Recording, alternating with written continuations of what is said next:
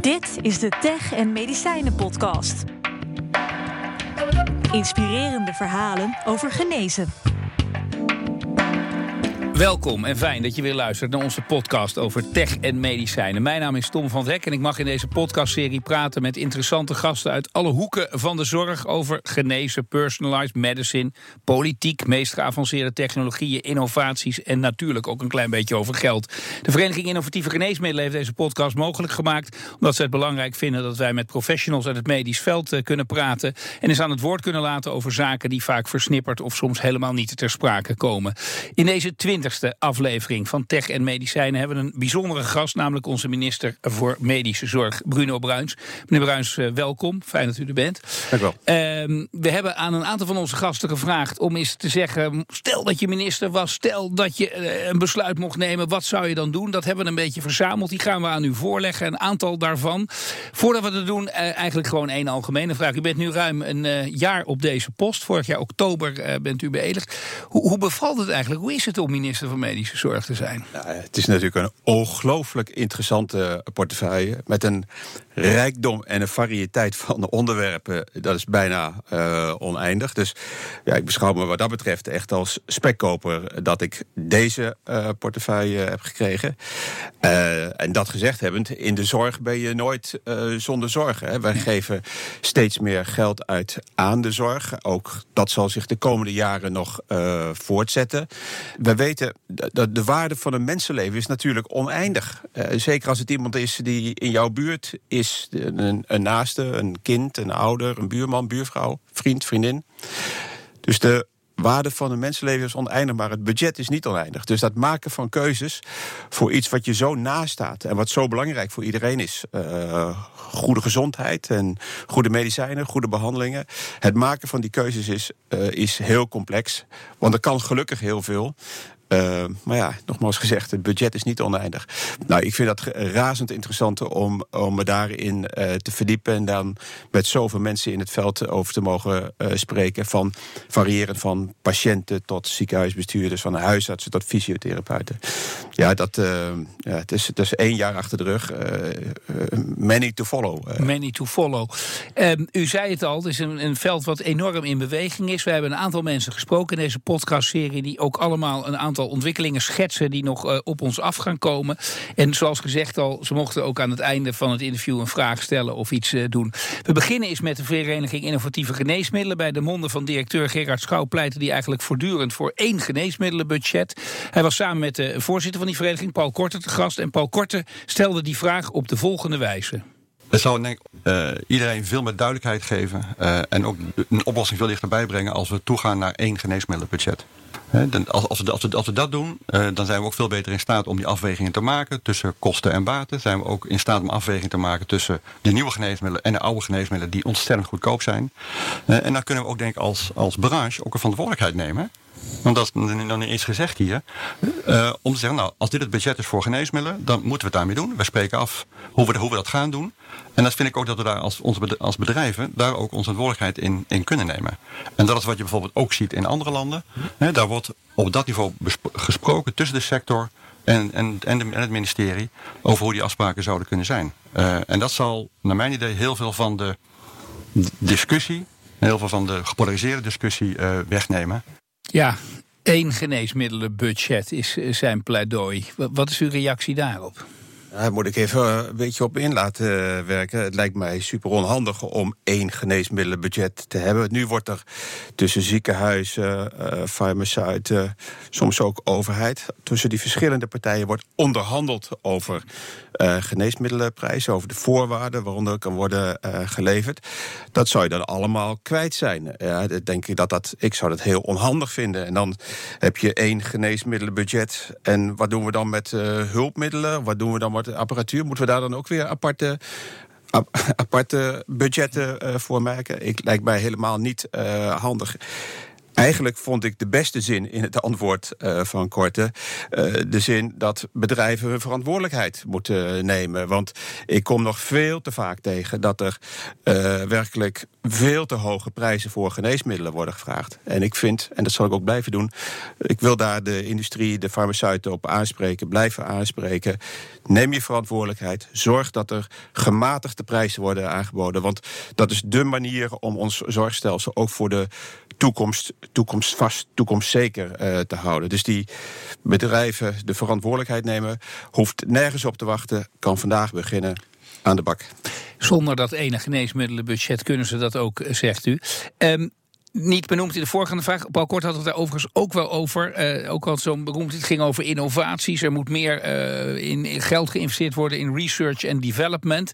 En daarop sluit de volgende vraag van Remco Kort. Dat is een microbioloog, onderzoeker, hoogleraar aan de Vrije Universiteit. En die stelde de volgende vraag. Heb kort, heb jij een, een hartkreet? Ja, mijn hartkreet is natuurlijk om veel meer geld voor onderzoek uit te trekken.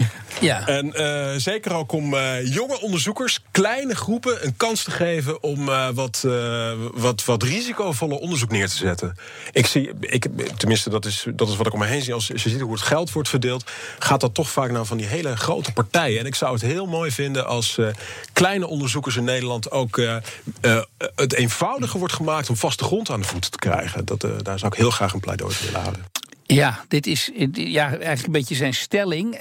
Is hier een taak voor u of de overheid weggelegd? Met wat hij hier zegt? Uh, nou, als het gaat over het verdelen van geld. Ja, de, de, begroting van zorg is heel groot. Dus als het gaat over onderzoek, draagt ook VWS bij. Ook het ministerie van Onderwijs draagt natuurlijk bij. Ja, ik zou zeggen, het zit hier niet zo erg in de grootte van de partij of de kleinte van de partij. Het gaat wel over de onderwerpen. Kijk, gelukkig komt heel veel onderzoek op gang vanuit private initiatieven of vanuit universiteiten. Daar moeten we dankbaar uh, voor zijn. Maar op sommige uh, onderwerpen, ik denk nu bijvoorbeeld aan antibiotica-resistentie, ja, is wel een extra push nodig vanuit de overheid om die. Uh, Onder, om die onderzoeken op gang te brengen. Omdat daar niet zo makkelijk een markt tot stand uh, komt. En het is wel ongelooflijk belangrijk dat we ook voor dat onderwerp het antibiotica-resistentie als voorbeeld, dat ook daar wel voortgang wordt geboekt. Dus ik zie het niet zo zitten in grote partijen of kleine partijen. Ik vind wel dat je als overheid de rol hebt om te kijken... daar waar onderzoek onvoldoende op gang komt... daar waar er een, als ik dat zo mag uitdrukken... Een, iets van een witte vlek zit... Uh, dat je dan kijkt, moeten wij daar als overheid een stap extra uh, zetten? En dat is ook wat we uh, doen. En dan hoop ik dat grote partijen zich uitgedaagd voelen... maar ik hoop natuurlijk ook dat kleine partijen zich uitgedaagd voelen. Ja, en hij zegt daarover, die, die kleine partijen komen lastiger bij dat geld, zeg maar. Gaat toch vooral naar de grote universitaire medische centra. Is, is dat uw beeld niet? Nee, dat is niet mijn uh, beeld. Maar als, als uh, uh, Korte zegt, ik zou. Ik, ik vind het ingewikkeld. Hij meldde zich bij het ministerie, dan leggen we het graag uit. Ik wil wel graag dat slimme ook jonge onderzoekers wel de kans krijgen. Het is natuurlijk niet de bedoeling, en zo gebeurt het ook niet, dat het geld alleen maar naar die universitaire centra gaat. En dat gezegd hebben, zijn die universitaire centra wel van ongelooflijk groot belang voor Nederland. Ja. En hoge kwaliteit, hè, ook met elkaar. Ja. Die onderzoeken, eh, nou, we hadden het heel veel over nieuwe technologieën... en dus ook nieuwe geneesmiddelen die eraan zitten te komen. Henk-Jan Gugelaar, die is hoogleraar klinische farmacie... bij het Leids Universitair Medisch Centrum... die heeft in dat kader de volgende vraag. Als ik in de hedendaagse gezondheidszorg en technologie zie, dan zie ik dat er enorm, dat we eigenlijk een hele mooie tijd leven. Er zijn enorme ontwikkelingen op wetenschappelijk gebied, op technologisch gebied, nieuwe geneesmiddelen, nieuwe behandelingsmogelijkheden. Um, dat zit er allemaal aan te komen. Hoe kun je nou als, mijn vraag zou zijn aan, aan minister Bruis, hoe kun je nou als uh, minister zorgen, als overheid zorgen, dat je dat ook snel beschikbaar en betaalbaar beschikbaar krijgt, al die mooie, goede ontwikkelingen bij de patiënt, waar we het uiteindelijk allemaal voor doen? Twee lastigste vragen volgens mij. Hoe kunt u het snel en ook nog betaalbaar beschikbaar krijgen? Al die dingen die eraan zitten te komen. Want de vrees van veel mensen, dat, vertel ik u niks nieuws mee natuurlijk... is dat het een onbetaalbare uh, hoeveelheid is die op ons afkomt. Ja, nou ja, de mooiste zin in uh, het fragment uh, van uh, Gugelaar is natuurlijk... we leven in een mooie tijd. En ja. dat ben ik wel heel erg met hem eens. Het is echt fantastisch dat er zoveel nieuwe medicijnen, ook voor kleine groepen patiënten, uh, aan zitten te komen. Uh, er zitten dus allerlei praktische beren op de weg. Maar het feit dat er zoveel wordt ontwikkeld voor ziekte van vandaag en voor morgen, voor patiënten van vandaag en voor morgen, voor grote en voor kleine groepen, uh, dat is wel iets om uit te dragen, vind ik ook. Uh, dat we dat kunnen en dat we dat doen in Nederland. En overigens ook internationaal. Dat is iets om trots op te, zijn. Nu naar dat punt van uh, snel bij de patiënt uh, en betaalbaar. Ja, ik zou ook beide willen. En er zijn inderdaad medicijnen die we omwille van de prijs door een soort van sluis laten gaan, omdat ze zo ongelooflijk duur zijn ton, twee ton, misschien nog wel meer per patiënt per jaar. Ja, waar zit het einde? Zeg het maar. Kijk, snel bij de patiënt. Ik denk dat je dat snel kunt, kunt regelen als die fabrikant zegt: zolang het in de sluis zit en dus nog niet beschikbaar is op de markt, neem ik de rekening op. Dat is ook eigenlijk wat ik vraag. Farmaceut, als die als je het op de markt wil brengen, realiseer je dat als je een hele hoge prijs stelt, dan moet er eerst zo'n sluisprocedure komen. Dus stel je, stel je altijd redelijk op, maar in ieder geval ook in die periode dat het medicijn in de, in de sluis uh, zit. Dat is één stukje van het uh, antwoord. Iets anders, wat in de afgelopen jaren heb ik ook wel gemerkt dat voor sommige weesgeneesmiddelen eigenlijk soms een stappen in het, uh, in de, in het uh, op de markt brengen, het zogenaamde fase 3 onderzoek, wordt, of, uh, wordt overgeslagen. Simpelweg omdat er zich niet zoveel patiënten aandienen dat je dat grootschalige fase 3 onderzoek kunt, kunt doen. Dus dat nadenken over kan het sneller bij de patiënt komen, dat vind ik heel belangrijk. Ehm, nou ja, als, dat, als die fase 3 kan worden overgeslagen, prachtig. Kan niet altijd, kan soms. Maar hier ligt ook echt weer een rol voor, uh, voor farmaceuten. Ja, en, en, u zegt eigenlijk, uh, daar hebben wij een, een deel uh, invloed op, maar daar hebben juist ook anderen, waaronder de farmaceuten, misschien nog wel veel meer invloed ja, op. Natuurlijk, want in de sluis, kijk, als middel in de sluis, ja, dan is het er nog niet. Ja. En ik zou dus heel graag willen, farmaceut, hup, idee. Stel dat medicijn nu beschikbaar. Pakken jullie die rekening op, dan onderhandelen we door, maar dan kunnen er al uh, patiënten profiteren. Ja. Um, snel en betaalbaar, dat kwam natuurlijk veel langs. Er kwam nog meer langs. Hans Snellenberg is een ondernemer en oprichting van de stichting Hartwig Medical Foundation. Gaat u zo ook een complimentje geven en heeft ook nog een vraag. Nou, ik zou hem eerst een compliment willen maken. Want hij heeft besloten om 105 miljoen euro ja. ter beschikking te stellen. om juist dit eigenlijk voor elkaar te krijgen.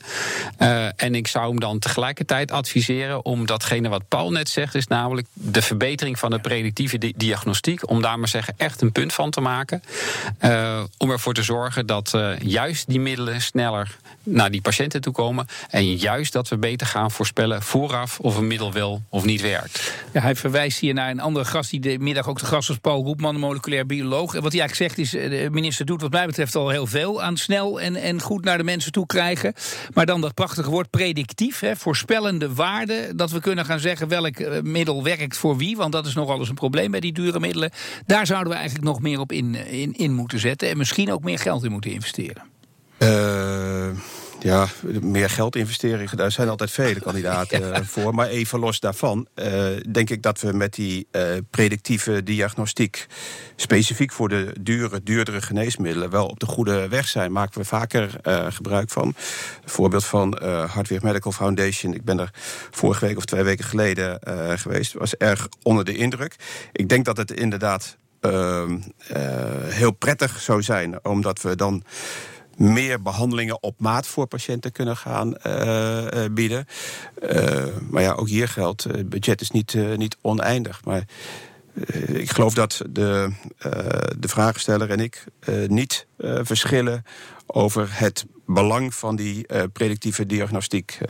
En dat we daar meer aan moeten doen. En dat die behandeling op maat dan in de toekomst nog, nog beter kan worden geleverd. Ja, ik, ik, wil dat onderstrepen. Is dat een belangrijke sleutel wat u betreft, ook, ook als je naar de betaalbaarheid op lange termijn kijkt? Dat, dat die predictie, dat, dat, dat, dat nog ja, verfijnd wordt, zeg maar? Uh, zeker. Kijk, het gaat natuurlijk wel over wat levert dan zo'n uh, predictieve diagnostiek op. De, de uitkomsten moeten dan ook wel weer zodanig zijn dat je zegt: ja, en dit is dan dus ook bruikbaar voor die individuele eh, patiënt.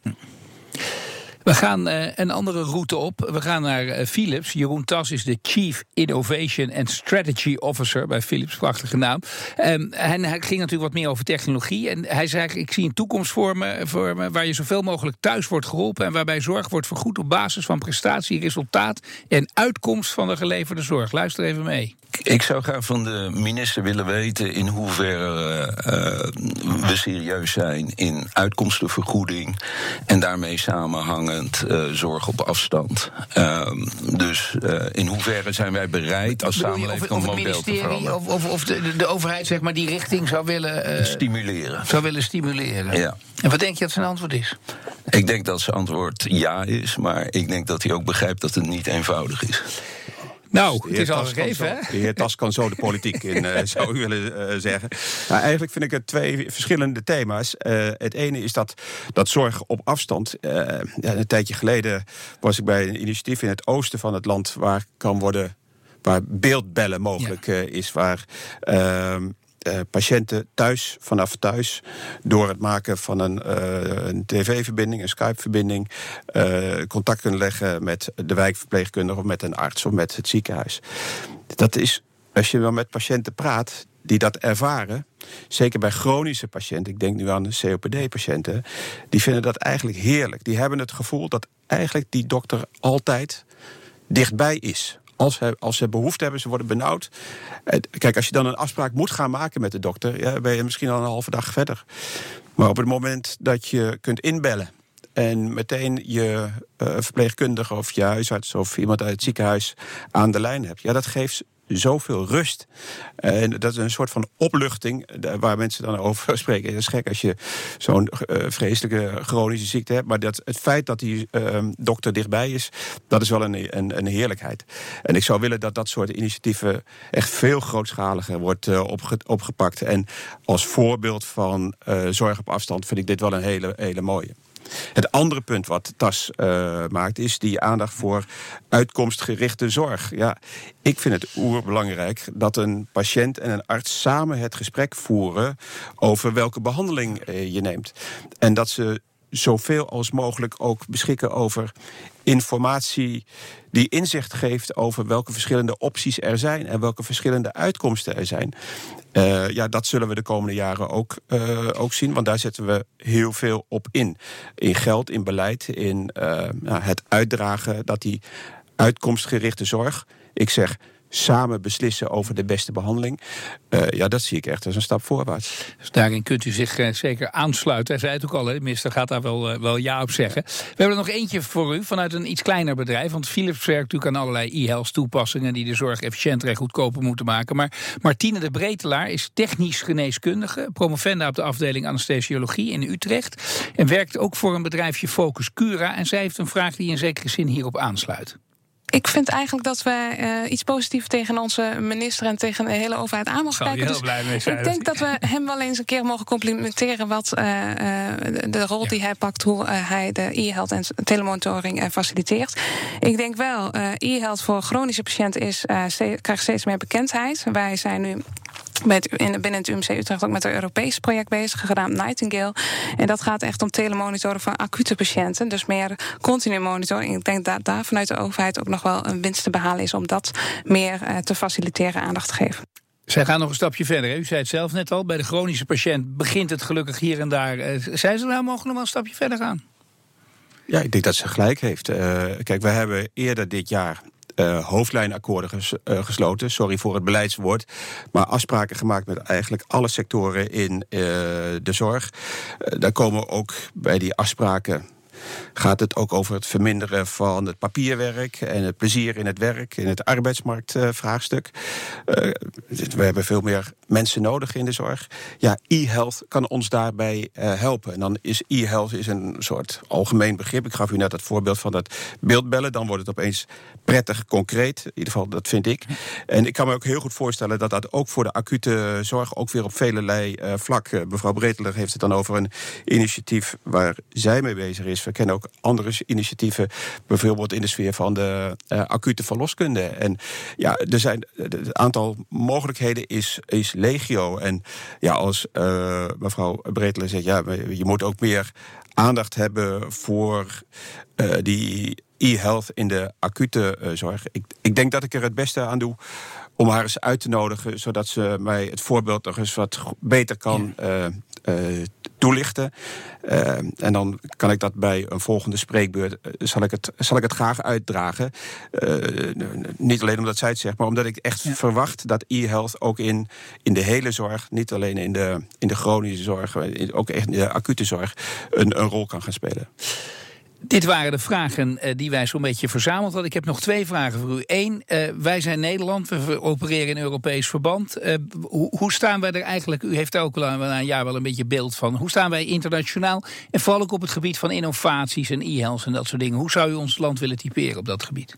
Nou, moet je echt mee uitkijken als je net een jaar bezig bent om daar een typologie aan, uh, aan te geven. Maar wat mij opviel, we zijn in uh, dit jaar mocht ik een paar keer mee met handelsmissies naar het buitenland. Vroeger waren Nederlandse handelsmissies gingen altijd over landbouw. En de andere sector was verkeer en waterstaat. Maar ik zie nu dat heel vaak ook zorg wordt meegevraagd. Omdat men in het buitenland ziet hoe wij zorg in Nederland hebben georganiseerd. In een combinatie van private partijen en publieke partijen. Maar juist ook met heel veel aandacht voor uh, uh, innovatie. Uh, en ook heel veel aandacht voor onderzoek. Als je op handelsmissie gaat, ga je eigenlijk nooit alleen met bedrijven, maar ook de, de, de universiteiten en de, de hogescholen gaan mee. En dat vind ik wel heel, heel mooi. Ehm, we geven ongelooflijk veel geld uit aan uh, zorg, maar het is het elk dubbeltje uh, waard. Internationaal wordt er veel naar Nederland uh, gekeken. We krijgen in het komend jaar, 2019, komt de de EMA naar Nederland, de Europese Medicijnenautoriteit. Ja, ik weet eigenlijk wel zeker dat dat gaat werken als een magneet op allerlei onderzoeksinstellingen, bedrijven en wat daarmee annex is. Dus ik denk dat het ook een hele hoop arbeidsplaatsen oplevert. Dat is mooi. Maar ook heel veel ja. kennis weer over zorg, over geneesmiddelen, hulpmiddelen. Uh, ja, en dat, uh, dat is een plek, denk ik, die, uh, die je moet koesteren, die je moet omarmen. Mijn allerlaatste vraag. We vroegen 19 mensen. Uh, u mag een vraag of een advies aan de minister geven. U krijgt er duizenden per week, denk ik, al die adviezen. Ja. Als u één ding nog tegen het veld is een totaliteit. Want zo hebben we dat een beetje in beeld proberen te brengen. In de volle breedte van de zin van de gezondheidszorg. Dus als, u, als, u zou, als ik zou vragen, wat, wat wil u aan het veld eigenlijk zeggen? Wat zou u nog willen zeggen? Um, ja, de beste vraag is altijd een retorische vraag. Bent u het met mij eens dat wij de redenering altijd bij de patiënt moeten starten. Ik geloof dat daar de, de patiënt weet uiteindelijk het beste welke zorg hij nodig heeft. Hij weet het beste hoe zijn eigen lichaam in elkaar steekt. Hij weet waar hij pijn heeft, waar hij last van heeft. Dus die sterke positie van de patiënt. Ik denk dat dat uh, nog iets is om verder aan uh, te werken. Ik ben ik ga uw hele uh, podcast natuurlijk uh, beluisteren. Ik ben benieuwd hoeveel vertegenwoordigers u ook van de patiëntenfederatie het woord heeft uh, gelaten.